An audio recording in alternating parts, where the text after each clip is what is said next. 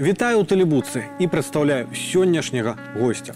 Яго дзед быў дарадцам Машэрава, бацька адным са стваральнікаў партыі БНФ, а ён сам у 33 гады стаў адной з ключавых фігураў у беларускай культуры і дэмакратычным руху.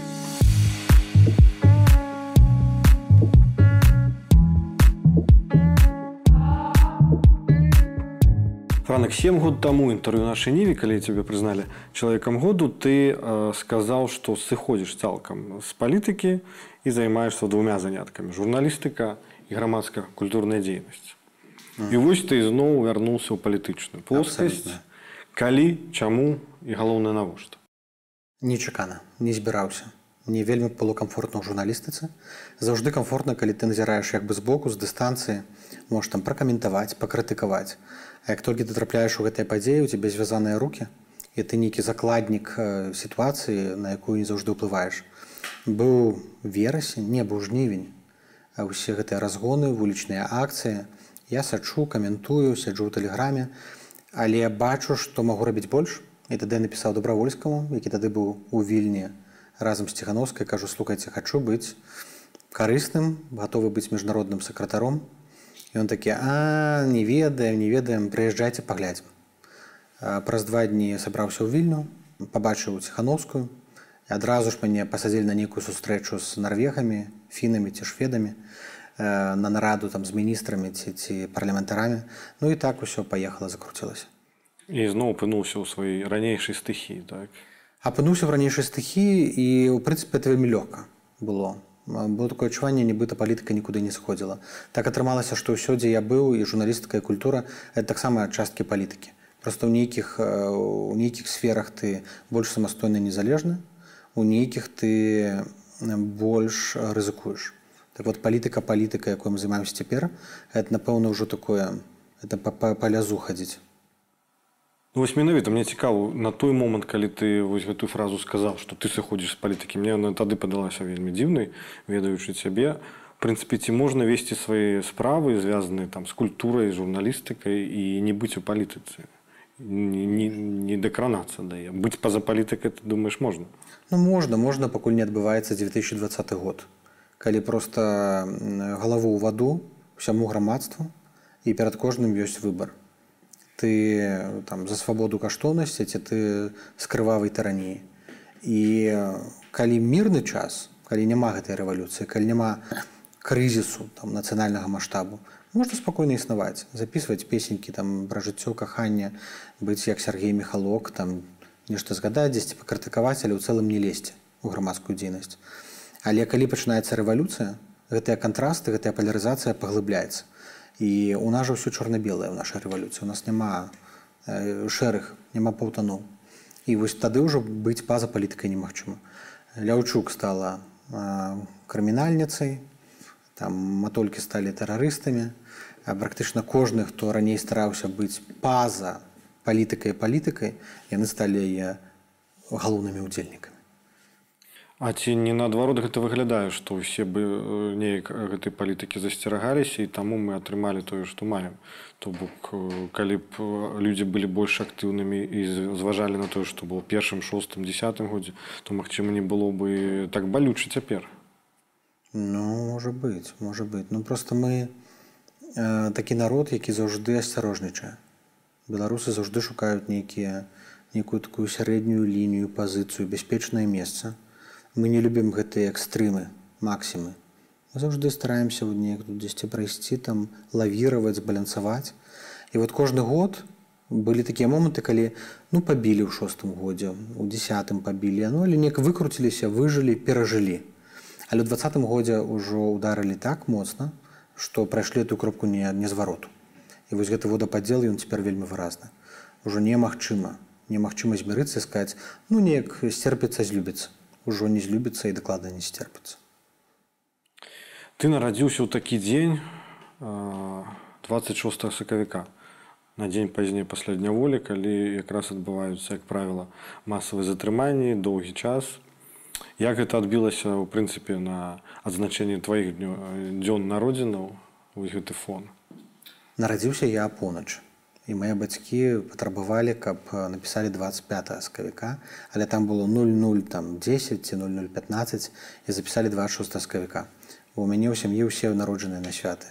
Там сястра на дзень роднай мовы старэйшая на каляды а я на 25 скавіка ну так атрымалась канцэпт лёс канцэпт і не атрымалася 25 атрымалася 26 асабліва не шкадую Таму што прынцыпе мне ўсё адно застаўся шанец на нейкае сваё святкаванне пасля дня волі.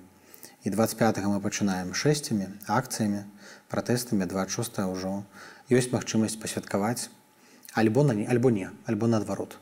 ёсць там а, затрыманыя, там бацька хаваецца, дзесьці хтосьці ўцякае, некага трэба вывозіць за мяжу і тады ўжо дзень народзіну пераносіцца на наступны год. Ну, у любом разе мой дзень народзінаў гэта заўжды была таксама палітычная акцыя. Нават калі не было 25 скавіка 26 мы ўсё роўна рабілі нейкія перформансы нейкія там палітычныя акцыі улёткі і жадаеш можа самы яркі вось які узгадваецца дзень народзінаў з гэтых тваіх 33 а, ну былі такія калі мне было там гадоў 16 мы скідвалі вось на мае дні народзінаў скідвалі улёткі з дамоў. Это вось рыга універсам там вуліца бяды сурганова. Ну і там у нас быў праход на некалькі дахаў мы там замаліся скідваннем улётак дарэчы белчына-белыя такія паштовачкі маленькія сардэчкі таксама выразалі.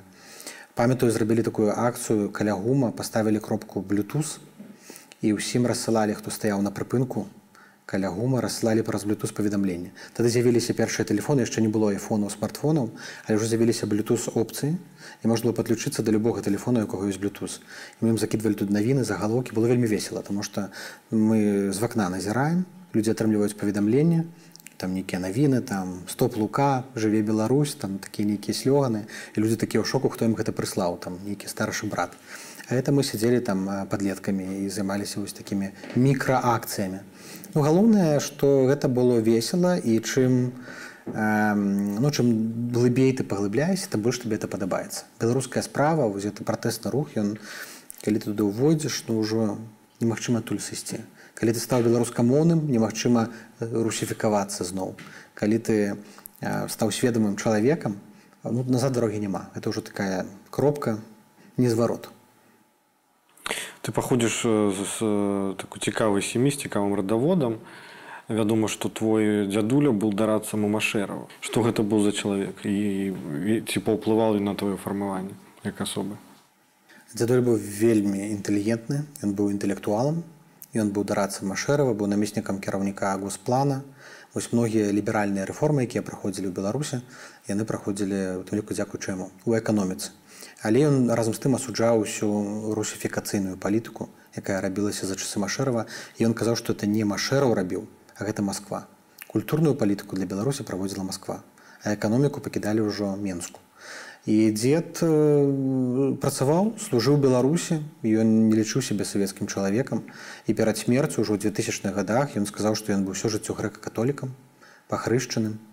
яшчэ ў 30-е гады народжаны на мерлінскіх хутарах это вот на поўні беларусі па лесе і ўсё жыццё быў грэк-каталіком такім сакрэтным схаваным і толькі пад канец жыцця зрабіў такі камінаут і гэта ну гэта класна это вот сведчыць таксама пра беларускую э, натуру прыроду характар можна быць такім крыпта такім беларусам все жыццё э, рабіць добрую справу ціха не прэтэндуючы на лаўры і вось дзед быў такім выховаў нас такім жыў вельмі сціпла і я думаю што і гэта паплывала і на майго бацьку і на мяне думаешь ганарыўся бы табой ён цяпер каб вось убачыў я думаю што у мяне у сям'і можа і ганарацца але ўсе ўсіх крытыкуюць.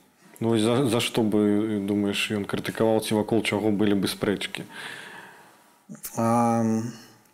Што мала робім мала працуем што трэба больш сістэмны падыход трэба мысліць стратэгічна ён якраз дзед ён быў такі які думаў доўгатэрмінова ён потым ужо на пенсіі займаўся там гародам на дачы і ён усё там стратэгічна прадумаў дзе што павінна як вырасці вот такім самым ён быў і у палітыцы у чынавенства ну, стратег. Ну і мой бацька таксама калі ён займаўся у беларускім народным фронте падрыхтоўчымі дакументамі ён быў у камісія група якая пісала законапраекты палажэнне статуты.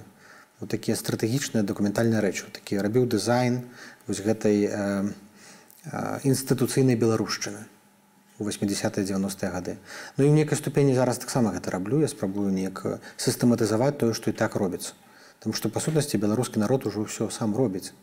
Наша ж задача гэта неяк скіраваць сістэматызаваць зберагчы гэту энергію якая генеруецца сама это як крыніца энергіі якая зараз вот на вуліцах у інтэрнэце ад культурных дзеячаў мы павінны неяк накіраваць супраць один такі э, э, сферу і накіраваць правильным кірунку каб перамагчы.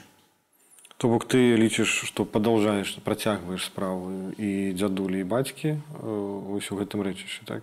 Ну я сын свайго бацькі нікуды не дзенуся але мяне працягвае раздражняць калі мяне называюць вінцуком старэйшыя называюць мяне венцуком а майго бацька бацьку называюць франак. Таму я думаю што яму таксама гэта не вельмі прыемна але тут нічога не зробіш. Ну і чым я таксама чым сталею тым больш магчыма падобна ў нечым на яго хаця характарамі мы досыць розныя. А ў чым адрозненне? Я думаю што нашмат больш такі ліберальны адкрыты элястычны да поглядаў ідэяў.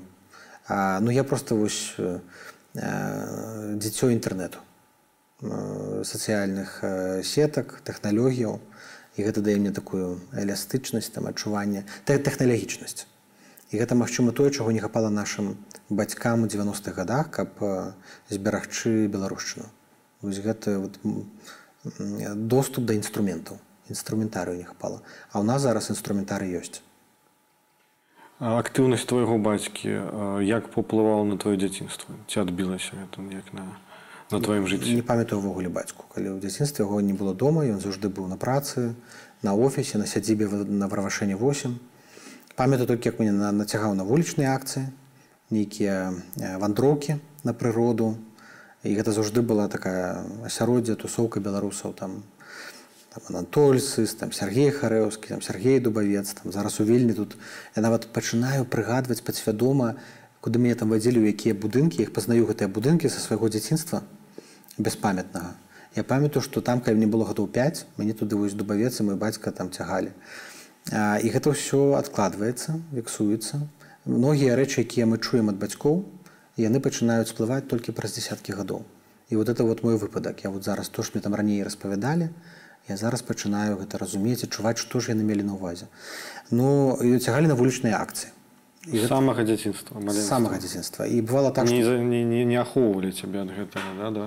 і мяне я быў такім э, сын палка сын палка так. А былі вось твае нейкія аднагодкі плюс-мінус які ну, такіх жа умовах раслі у мяне быў беларускамоўны э, садок на вуліцы някрасава былі ў школе у восьмай э, гімназіі 20 школа каля музыкі там дзе спортмастер mm -hmm. на якуба коласа там таксама былі і там і дзеці якіх мастакоў беларускай інтэлігенцыі вучыліся.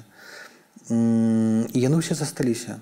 Я зараз не буду пералічаць тут каб нікога не падставіць у наш у наш ну, школьных сяброў ты можаш назваць прынцыпе? Магу але вот не буду побаюся што прыйдуць помсці так. угу. зараз тут такі час што лепш не называць.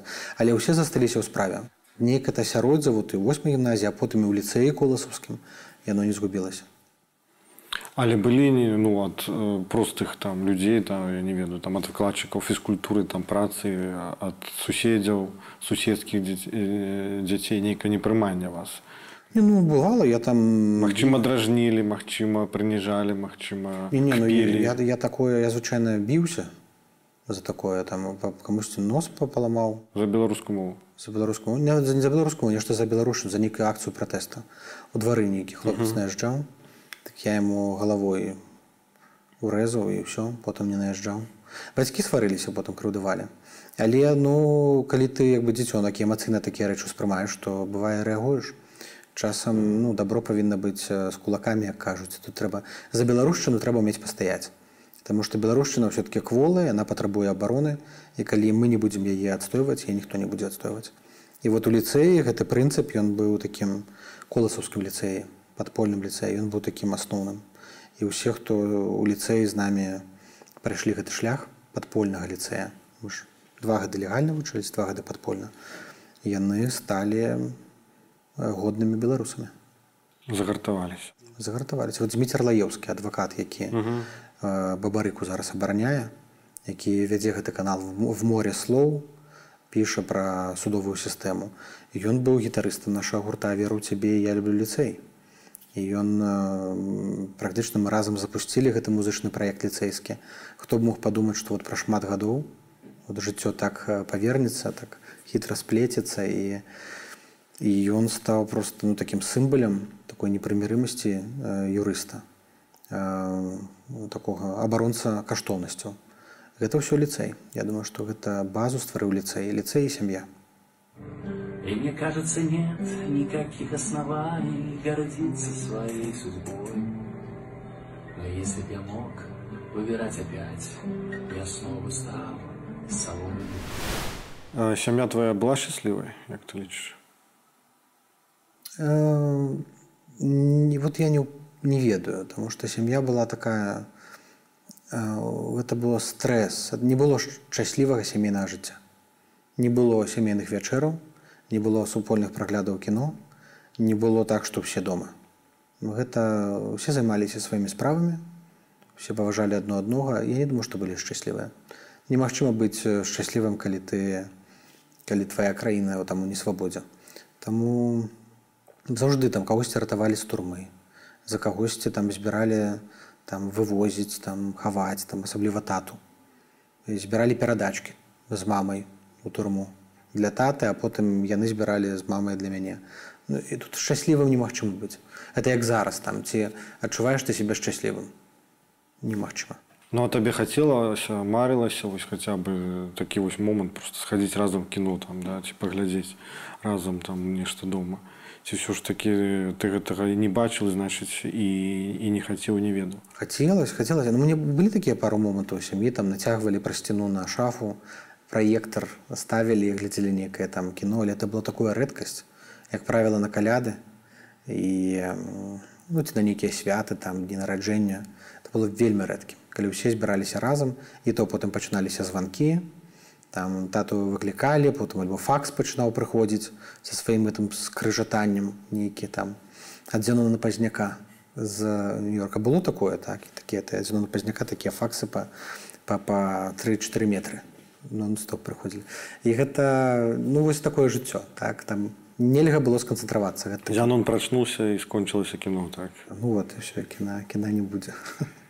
Ведаю што ў пэўны момант шлях тваіх бацькоў разышоўся і як ты гэта перажываў стаміліся я думаю што не стаміліся адно ад аднаго таму што вельмі цяжка напэўна так быць мы былі дарослымі камунікавалі за баімі бацькамі было непрыемна але было гэта чакана. І я думаю што ну, наша сям'я не выключэнне. Вельмі многія сям'і разыходзяцца і ну ну што зробіш? Было і было. Так тут маме было цяжка яна не магла нідзе ўладкавацца на працу тому што яна ўжо была вячоркай і нідзе не бралі не бралі ні ў цэнтр адукацыі моладзі.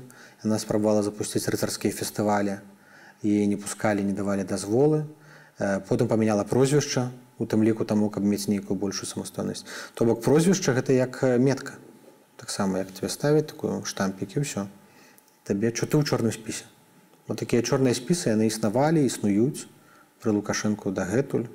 Ёсць прозвішчы такі як вячорка якія нунград і нават што б не адбылося як бы не памянялася мы ўсё роўно будзем нунграда для лукашэнкі.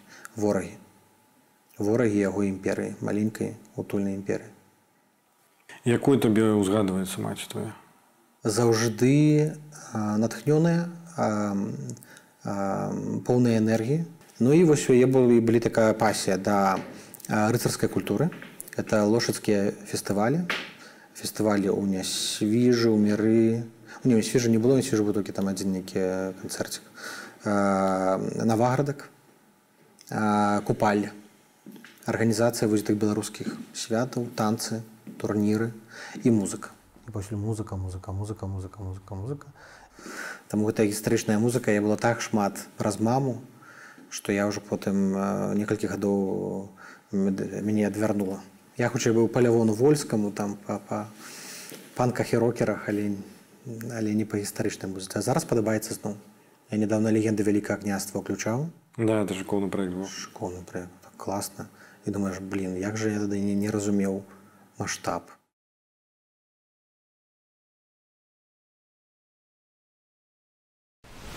Абсолютно зразумела, што э, публічную нейкую дзейнасць табе вельмі рана было наканавана пачаць.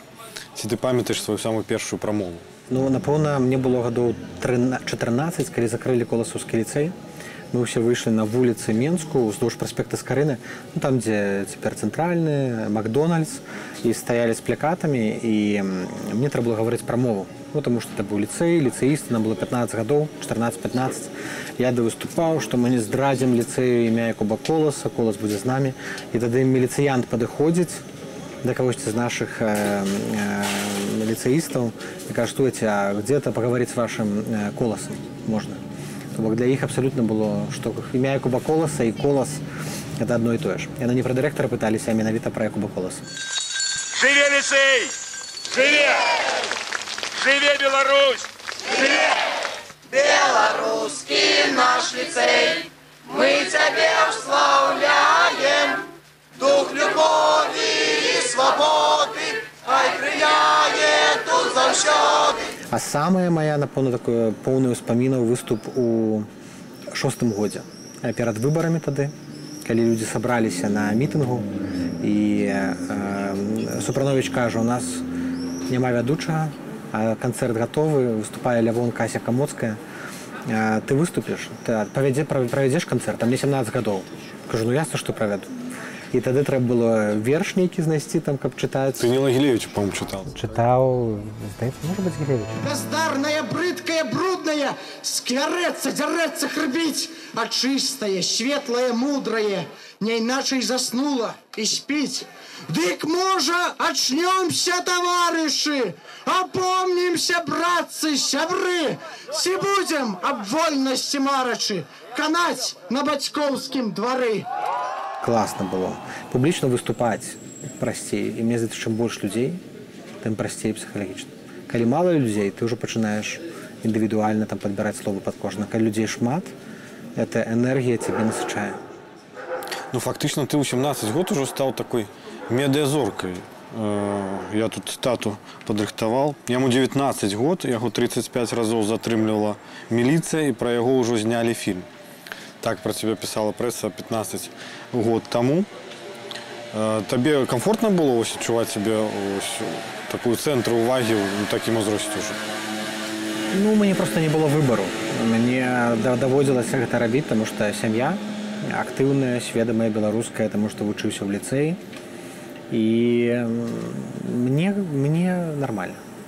Мне абсалютна не прынцыпова я публічнасці ніколі там не баяўся а, ёсць у гэтым свае плюсы і мінусы. Мінус такого што не маю асабістае жыцця Таму што ты заўжды на відавоку і ты не можаш там асабліва себе дазволіць чым калі ты там нікому невядомы чалавек. Але плюсы такія што ты можаш рабіць больш рэчаў. Публічнасць дае таксама браню ад всяких там губапікаў і кгб бо яны баяцца цябе чапаць а з другога боку дае табе магчымасці открываюцца контакты і многія людзі якія з'явіліся ў маім жыцці яны з'явіліся абсалютна выпадкова. Просто таму што ты дзесьці ідзеш яны па этой сцяжынцы да цябе далучаюцца. Наконт тваіх 35 затрыманняў ось на той час. Ты самае першае памятаеш? А 1 верасня 2003 года можа быць тады была акцыя калі акцыя хоча вучыцца па-беларуску толькі закрылі ліцэй разам з збс воля кузьміч юрка седун там іншыя сяржук семянюк селі на кастрычынскай плошчы з плякатамі сказалі нікуды не пойдзем хочам вучыцца па-беларуску это было вот каля нулявога кіламетра. І потым пад'язджае некалькі бусікаў белых ментоўскіх. Тады яшчэ не было гэтых дарагіх аўтазакаў і прыгожых і сініх бусаў міліцыі. І яны пачалі ўсіх скруціць. Мяне скруцілі ў тым ліку і ну гэта было мабыць першае затрыманне але потым іх стала вельмі шмат. Потым круцілі і і па справе і без справы. Круцілі і дома і на вуліцы і на працы і на мяжы. У розных каталажках сядзеў. Розныя пратаколы мне выпісвалі. Але ну з часам выпрацоўваецца імунітэт. І таму не трэба баяцца. Першы раз самы страшны але потым просто разумееш што ты ну это частка шляху Скажите, пожалуйста. Разрешение не треба на распущу газеты народная воля. Серьезно? На какой подставе? Вы меня затримливаете. Я, я все понимаю, что вы записываете на видеокамеру. Да, я записываю на видеокамеру ваши действия. Но тому лепей сразу перестаньте. Собирайте свою газету, пойдемте с нами познакомимся. Подаруешь себе, добро? Берите свою газету. Ты казаў, што ў дзяцінстве марыў стаць паэтам. Дайшло да напісання вершаў. у дзяцінстве пісаў вершы перакладаў французскіх э, э, паэтаў франсуа віёна некалькі вершаў перакладаў. Нават на нейкія адпраўляў конкурсы у часопісы у дзеяслоў. А прыгадаеш, магчыма, вусне нешта з паэтычных спробаў сваіх? сорамна сорамна не буду. Чытаць вершы дакладна не буду але спрабаваў ну А за прозу сорамна? былі такія таксама досвед у арміі калі сядзеў пісаў таксама прозу. А, сорамна сорамна. Все-таки Слухай, ну ты атрымал я таксама са здзіўленнем гэты момант магчыма забыў, магчыма прапусціў. Ты атрымаў рэальна літаратурную прэмію залаты апостраф за дэбют. атрымаў За што? за падлеткавае апавяданне ну вот быў у франуку жыў падлетак які напісаў апавяданне пра каханне каханне на барыкадах яно было апублікавана калі я быў войску. Я яшчэ ў войску яго здаецца і напісаў і фіналізаваў просто калі ты ў ізаляцыі што войску што ў турме у цябе няма шмат чым заняцца і таму людзі пачынаюць пісаць таму вось гэтыя ўсе лісты якія зараз піша 535 палітвязняў з турмаў гэта вялікі культурны пласт. Яны ж пішуць вершы песні сцэнары для фільмаў. Таму што там у табе акумулюецца гэтая энергія. Э, ты бы сублімуеш усе этой перажыванні выплёскаеш іх у творчы прадукт і таму вот столькі цікавых лістоў зараз там свабода іншыя сайты публікуюць. І то самае калі быў войску. Просто сядзіш і пішаш вершы тэксты э, нейкія свае там пляны на жыццё дзённікі вядзеш. А потым ты выходзіш у нармальнае жыццё і ўсе твае творчыя таленты выветрываюцца. Ну тым не менш ты паспрабаваў сябе і, і не толькі ў літаратуры, але і ў кіно, прычым у розных ролях і ў якасці актора, і ў якасці сцэнарыста, і ў якасці прадусара. Э, якая табе вот з гэтых роляў бліжэй? Продюсер, продюсер. Я зразумею, что я все-таки не, не творца, я продюсер, я менеджер, я могу кіраваць проекты, завершаць проекты, даваць энергію э, жыццё кан добрым канцэптам. Я думаю, што вось это тое, што я ўмею рабіць добра, навучыўся за жыццё. І калі ёсць нейкая добрая ідэя ў вас давайте разам рэалізоўваць. Я думаю, што это мой падыход. І гэта быў прынцып арцядзібы калі мы яе запускалі.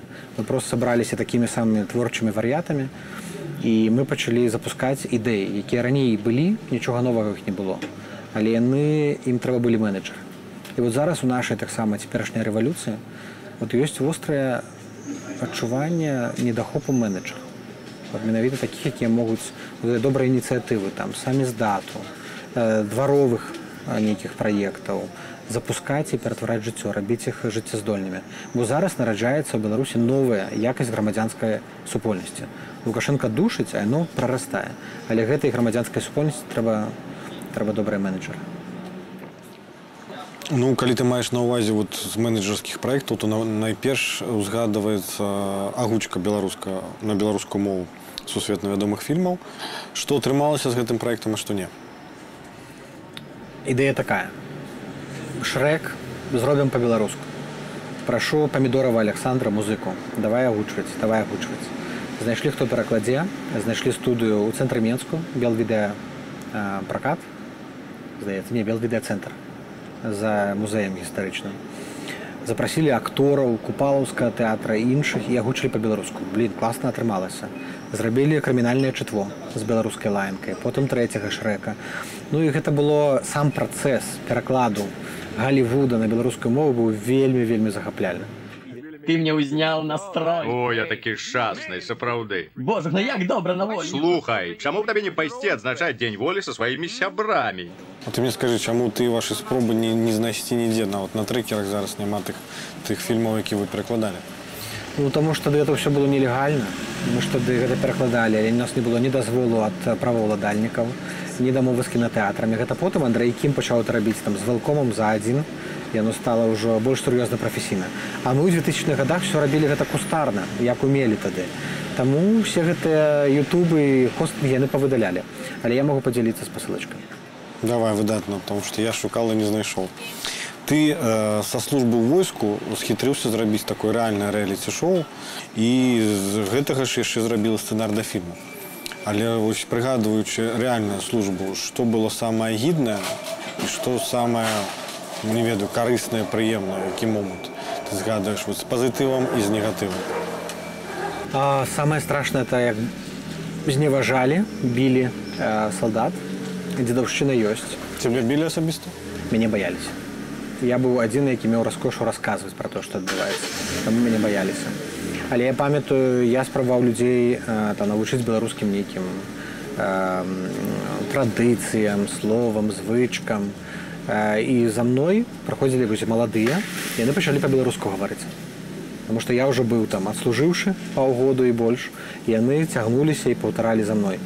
Але аднаго хлопца я карці заходжу у казарму і там стаіць дневальны гаворыць па-беларуску і лейтенант падыходзіць кажа еще одно слово па-беларускі я тебе застрелю это кажа лейтенант у беларускім войску данявальнаму маладому салдату які просто хацеў паспрабаваць аддаць каманду па-беларуску это вот пра стаўленне пра хамства пра знявагу у войску. То што яны кажуць там прысяга па-беларуску што там патрыёты і так далей ёсць і патрыёты але ёсць вот это савецкае антыбеларускае хамства з якім я стараўся змагацца я пісаў дзённік хаваў гэтыя свае нататкі ў кірзавыя боты пісаў падчас сядзення ў акопе па вайсковым разліку я быў стралком. Праўда страляць там давалі толькі адзін раз тры патроны. Ваявалі мы з нато кожны дзень на памяць ведалі ўсе характарыстыкі вайсковых самалётаў э, ЗША і э, Польшчы але романтычных успамінаў не засталося это быў просто паўтара года 15 месяцаў прыніжэння здзеку і вот тады я зразумеў наколькі это гнілая сістэма гнілая просто дашчэнту і вот гэтыя дзённікі якія тады я вёў вёў вёў праз чатыры месяцы мяне зашчамілі забаранілі са мной размаўляць не было нават каму падысці да мяне і зрабіць канцік ну гэта пастрыгчы валасы ззаду. Трэба кожны дзень стрыгчы валасы каб яны былі акурат і я тады здаўся. Я тады здаўся і перастаў весці дзённік публічна. Нават у войску яны здолелі мяне нейкім чынам зламіць. То я зараз калі гляджу на там ну, тьфу-тьфу-тьфу, на пратасевіча і на, на іншых я разумею што калі чалавека ставяць у нечалавечую мову нават самага годна высакароднага ён не кожны можа вытрываць Слухай, ну да мяне толькі што дайшоў сэнс выразу даўняга, што Беларусь уратуе снайпер, стралок. Магчыма, вось якраз э, гэта, гэта тычыцца і цябе. Стралок акопа нумар 3. Это так. мой, у маёй вайсковай кніжцы напісана. А, так што... Магчыма, вось з гэтым сэнсам тая фраза калісьці нарадзілася, каб увасобіцца ў жыццё. У пэўны час ты ўспрымаўся выключна як вулічны актывіст памятаю твои акцыі перформансы нейкія раздачы ўлётак газет. Пэўны момант ты быў журналіст паралельна ты недзе быў яшчэ і музычны прадусар ты сам для сябе вось гэтую дзейнасць размяжоўваў ці гэта было вось такое адной плынню адной плыню я быў шматстаночнікам і я думаю што гэта класна калі ёсць магчымасць праваць ў розных сферах. Самае класнае канешне это быць это працаваць культуры а, таму што ты ствараеш такі нейкі пласт нешта вечнае цікавае это записываць альбомы. А, я то сам нічога рабіць не ўмею руками сваімі але кіраваць прадусаваць менеджерыць гэта гэта люблю. І вось тут з культурнымі нейкімі праектамі все што мы зрабілі мне ўсё падабаецца. І нейкія мастацкія нават рэчы якія мы рабілі калі нам было по 15 гадоў ліцэйскія музычныя давай вылучым то тры праекты якімі ты надзвычай ганарышся да гэта партызанская школа музычны праект ліцэістаў коласаўскага ліцэя закрытага ўладамі ў 2003 годзе які таксама там здаецца быў такі на каленцы зроблены але ну паслухаеш он вельмі шчыры. І многія там людзі дагэтуль яго там шэры там ставяць лайкі на Ютубе. Я думаю што з фільмаў ну, гэта не, ну, не зусім мой праект але я саўдзельнік это урок беларускай мовы пра падзеі шостого году мы просто сталі героямі самі таго не ведаючы гэтага фільма. Мы просто там газеткі раздавалі удзельнічалі ў акцыі старэйшых забралі мяне там неяк пранесла. Гэта было якраз за тры дні да майго 18годдзя таму я не папаўся ў руки этому паўлючэнку ён тады стаяў якраз каля кастрычніцкай плошчы. І я думаю нешта з там па культуры што мы там записали кліп-марафон рабілі такія культурніцкія акцыі Пераклады фільмаў. DVD складанка так? DVD складанка і шэраг падзеяў фільмы на беларускую мову шрэк 2 шрэк 3 крымінальнае чытво пераклалі на беларускую ну господі было столькі столькі праектаў І ты ўжо тады стаў судакранацца з нейкімі вось палітычнымі тэхналогіямі і э, далучыўся да штаба Маленкевіча падчас выбараў 2006 у якасці каго ты там быў? Кіраўніка сайта. Это быў шосты год ніхто сайта рабіць не ўмеў а, а я любіў такія рэчы Табе тады колькі 18 год было? Было 18 гадоў але я ўжо ў першым годзе я запусціў сайт выбары нет. Было два сайты белапан elections белапан.com і выбары нет. Навінны такі сайт пра падзеі выбарчай кампаніі было 13 гадоў а, а потым э, сайты меленкевіча і кампанія меленкевіча а ў прынцыпе паспяховыя тое што мы зрабілі было вельмі класна эта атрыбутыка брэндынг візуалізацыя і было цікава працаваць. Сам меленкевич быў вельмі моцны кандыдат і ён реально аб'ядноўваў. Ці не было пасля расчаравання? Вось, э, для, для вас асабліва маладых чальцоў каманды якія да гэтага там аддавалі ўсё і реально верылі ў перамогу. Я памятаю я плакаў. 25 сакавіка калі разбілі э, натоп каля плошчы багушевіча каля мускамеды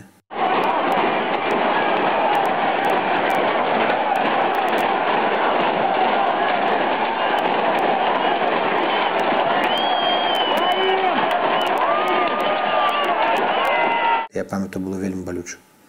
І не было тады натхнення не было тады веры не было тады запалу нават блізка да таго як это было ў двадцатым годзе.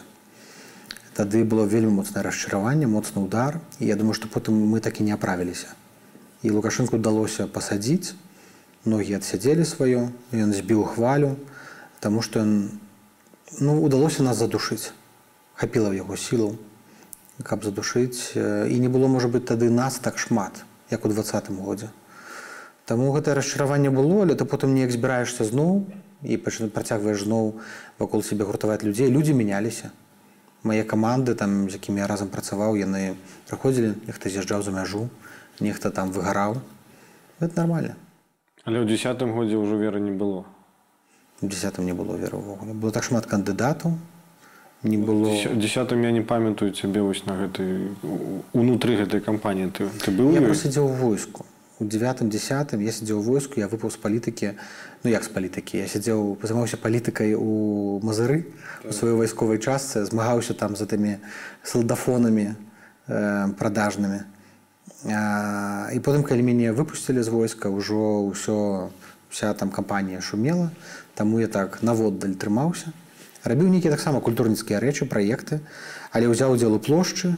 Памятаю тады мою маму моцна пабілі яна якраз пад нагамі амонаўцаў аказалася а я быў сярод тых каго зашчамілі каля чырвонага касцёла. Калі ама пакружыў чырвоны касцёл мы стаялі каля ўвахода нас не пусцілі. Дзверы ў касцёл былі закрытыя. А гэтыя амапаўцы такі зрабілі такую паўдугу. І ўсё. Ну неяк мы пачалі там уцякаць неяк там уцёк але мяне потым усё роўна пасадзілі. Кепска кепска уцякаў карці Ну і недзе пасля э, выбараў э, твоё жыццё мяняецца. Вот, я маю на увазе 10 -го года. Там мне цяжка вот прасачыць мне цікава каб ты вызначыў гэты пераломны момант. Ты паехаў вучыцца там у Еўропу Амерыку. Ты стаў потым э, ездзіць сам з лекцыямі па свеце распавядаць пра медыа. Дзе вось гэтая кропка пераходу было ад звычайнага там актывіста да вось нейкага коучу так ужо? А я тады ўжо працаваў на белсаце і я ўжо тады пачаў да журналістыкі прыглядацца але я быў такім піар-менеджером на белсаце там пачатку самым. Але потым стало такое. Я выходжу з трумы мне піша з польшчы нейкі чалавек які называецца лукашевічам кшыштафам ён кажа давай здымем кіно пра твае вайсковыя прыгоды і мы здымаем кіно і кіно забрала вось паўтара года майго жыцця мы яго доўга пісалі перапісвалі сцэнар потым здымалі а потым яго паўсюль паказвалі жыве Беларусь і зараз у мяне на нетфліксе я гляджу першым рэкамендаваным трапляе заўжды жыве Беларусь служить президенту и Отечеству. Служить президенту и Отечеству! У тебя с памятью проблемы, Серый? Я адмаўляюся прымаць прысягу ў такой форме. Я звяртаюся з афіцыйнай просьбай складаць прысягу па-беларуску. Мы здымалі фільм, а потым ужо амаль даздымалі да канца мяне запрасілі на радыё свабода. І тады трэба было напісаць рэкамендацыю ад кагосьці мне напісаў рэкамендацыю сам Вацлав Гава. І у меня, у меня была рэкамендацыя ад Вацлава Гала на стыпендыю Вацлава Гала. Як трапіў на радыё свабоды, застаўся на радыё свабода 4 гады аж да сваёй Амерыкі універсітэту. Што лічыш галоўным падчас сваёй працы на свабодзе з таго, што ты зрабіў цалкам перабудавалі на радыё свабода фармат працы. Мы зрабілі прыярытэтам Facebook, YouTube, Instagram, завялі TikTok. TikTok радыё свабода зараз займае шостае месца ў Еўропе сярод усіх медыяў. сярод усіх медыяў саступае там BBC там дойчывылі яшчэ камусьці беларуская служба радыё свабода на тиктоку. І гэта таксама вынік працы. Просто трэба было правільны момант пераключыць традыцыйныя медыа на новыя рэйкі на вот этой лічбавыя фарматы. І э, гэта атрымалася. Я думаю што да гэтай пары радыё свабода мае адны з самых моцных сацыяльных сетак. Але гэта не дзякуючы мне это дзякуючы камандзе якая хутка перастроілася калі ты паехаў у Амерыку хадзілі такія чуткі прынамсі я іх чуў што вось франак рыхтуюць на будучага прэзідэнта будуць яго зараз на, на абучаць як бы там пракачваць і так далее. Не, у маіх колах ніхто такое не абмярковаў я прыехаў у Амерыку і першае што я зрабіў то паламаў нагу я так атрымалася што это было таксама медыйная гісторыя медыйная была гісторыя але не запланаваная і дакладна не прэзідэнцкая А, але ў Амерыцы было вельмі цікава, Таму што так атрымалася, што я трапіў у такі эпіцэнтр палітычных падзеяў. Там якраз былі выбары, выбралі трампа вот у першы год. Потым я вучыўся ў адной клясе з расійскай шпіёнкай Маріяй Буцінай, якая потым сядзела ў турме і зараз там на раш тудэй вядучая навінаў і куча столькі палітычных падзеяў столькі кантактаў з'явілася э, сярод амерыканскіх розных палітыкаў просто было вельмі цікава я думаю што я там реально таму беларусі пракачаў як след. Там нейкія івенты рабілі беларускія фільмы паказвалі вось дарэчы валерка валёўскі таксама з ім пазнаёміўся ў штатах ён зараз э, э, кіраўнік кабінету святланы ціхановскай э, многія з беларускіх дыяспараўцаў зараз якія выходзяць на акцыі таксама тады мы рабілі нейкія вечарынкі. Лявон вольскі памятаю ператварыў мой пакой у вашынгтоне ў грымёрку і даваў канцэрты там на хаце якую мы здымалі разам з туркменамі.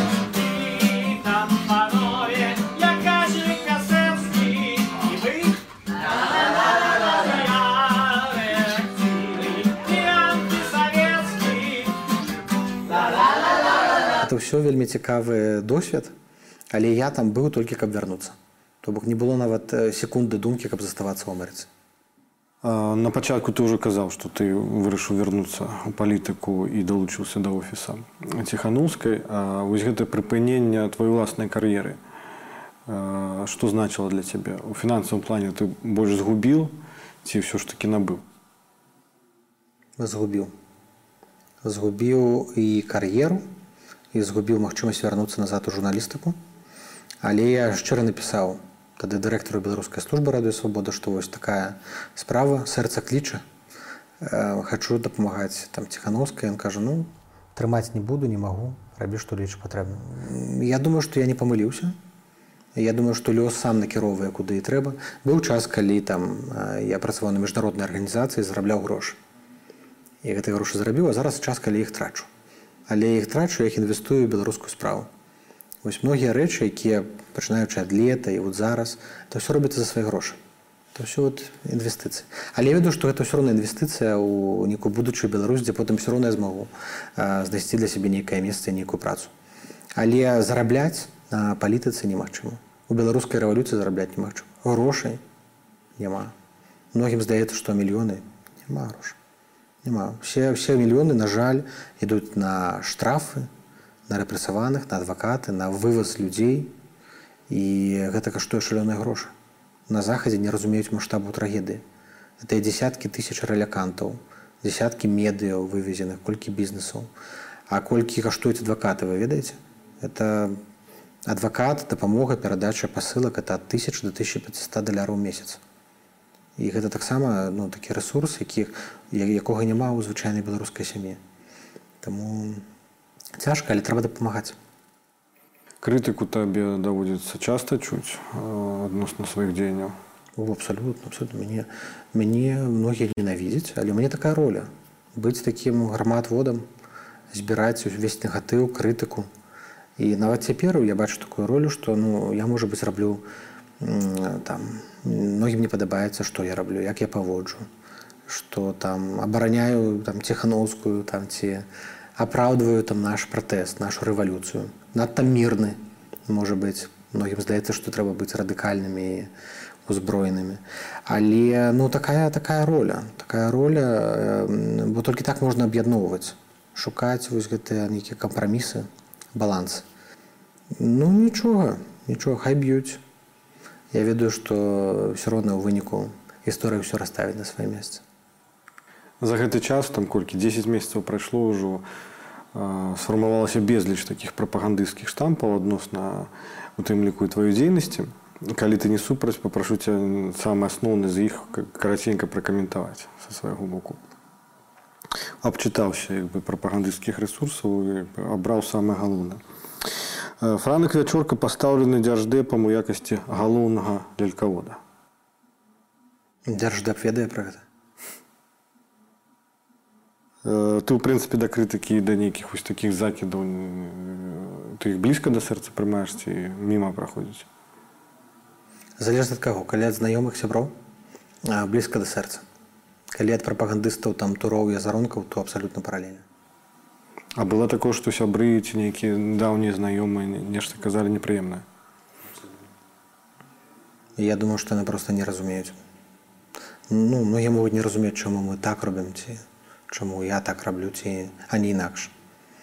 І я можа быць не могу зараз патлумачыць. Можа быць потым давядзецца распавесці. Але пакуль ну значыць так трэба.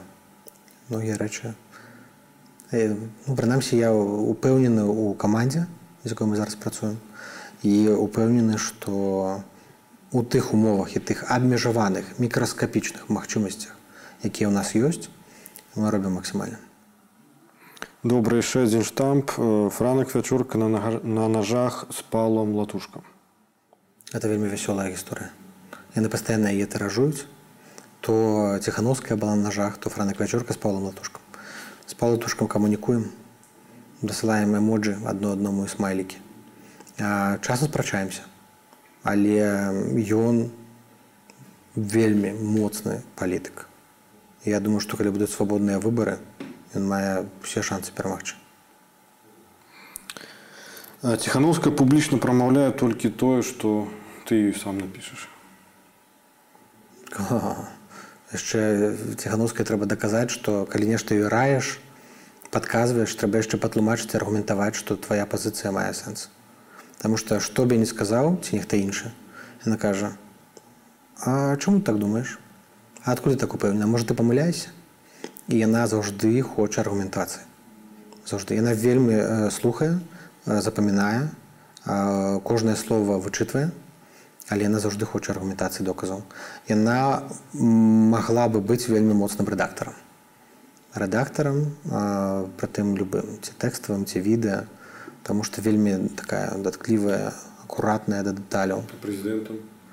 Прэзідэнтам сто процентов прэзідэнт ўжо прэзідэнт А было такое што яна сказала абсалютна адваротна таму што ты раіў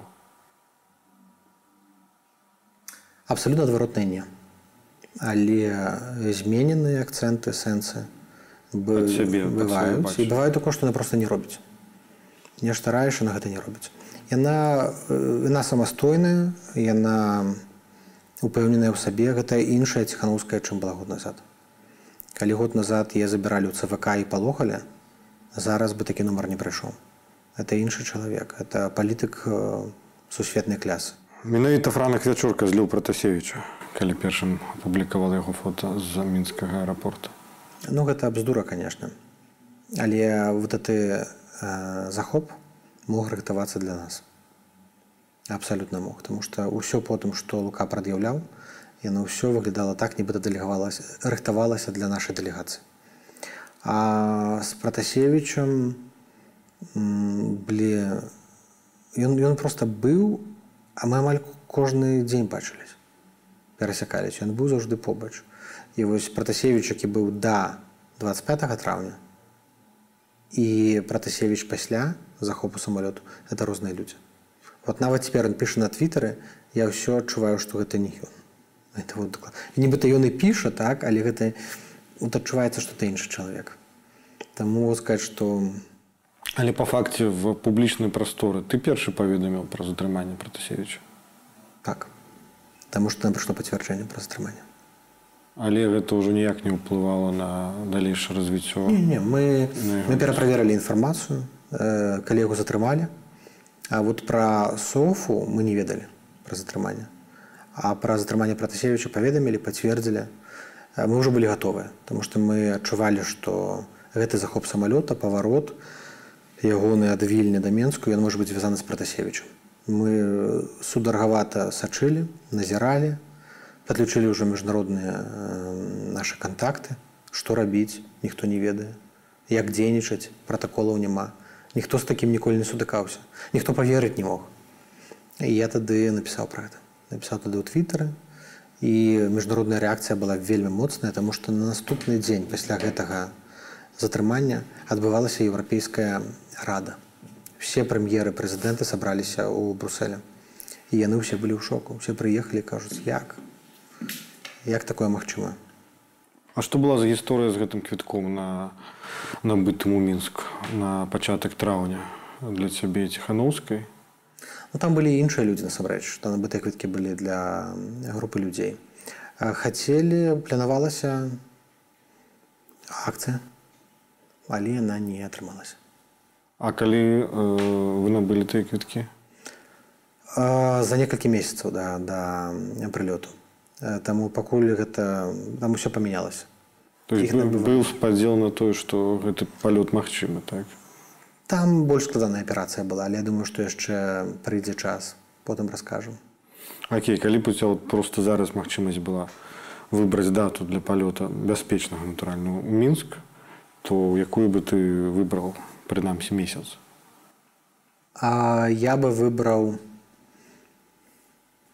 лістапад снежань гэтага года. Ну вось это ідэал ідэальны сцэнар чым грунтуецца такі аптымізм?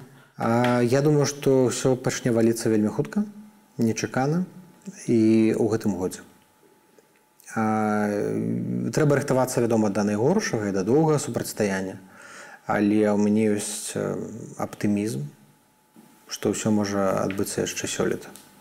І адна залежыць таксама. І адна з тых хто за мяжой ад тых хто беларусі. Як хутка это адбудзецца? У любым разе лукашенко павінен зразумець одну рэч што мы нікуды не дзенемся мы нікуды не сыдзем і беларускі народ все роўна даб'ецца свайго. Дзякуй за размову. Пры канцы традыцыйна уручаю падарунак у госцю у тваім выпадку калі я разважаў што гэта можа быць я ведаю што ты любіш экстрым такі нейкі вострыя адчуванні у гэтай сувязі якраз і падару падарунак знаходзіўся якраз за твой спіной гэты, увесь гэты час. Я паінстаць так можаш прыняць гэта гэта сертыфікат на палёт на дельталёце у якасці пілота і самае цікавае што палёт будзе у натуральна што ў мінску і на рэалізацыю гэтага тры месяца. У нас усіх ёсць у цябе таксама таму зычу палятаць праз тры месяца на дальталёце мінскам так таму трэба паскарацца лістапад не наш варыянт дзякуй за размову Дякую.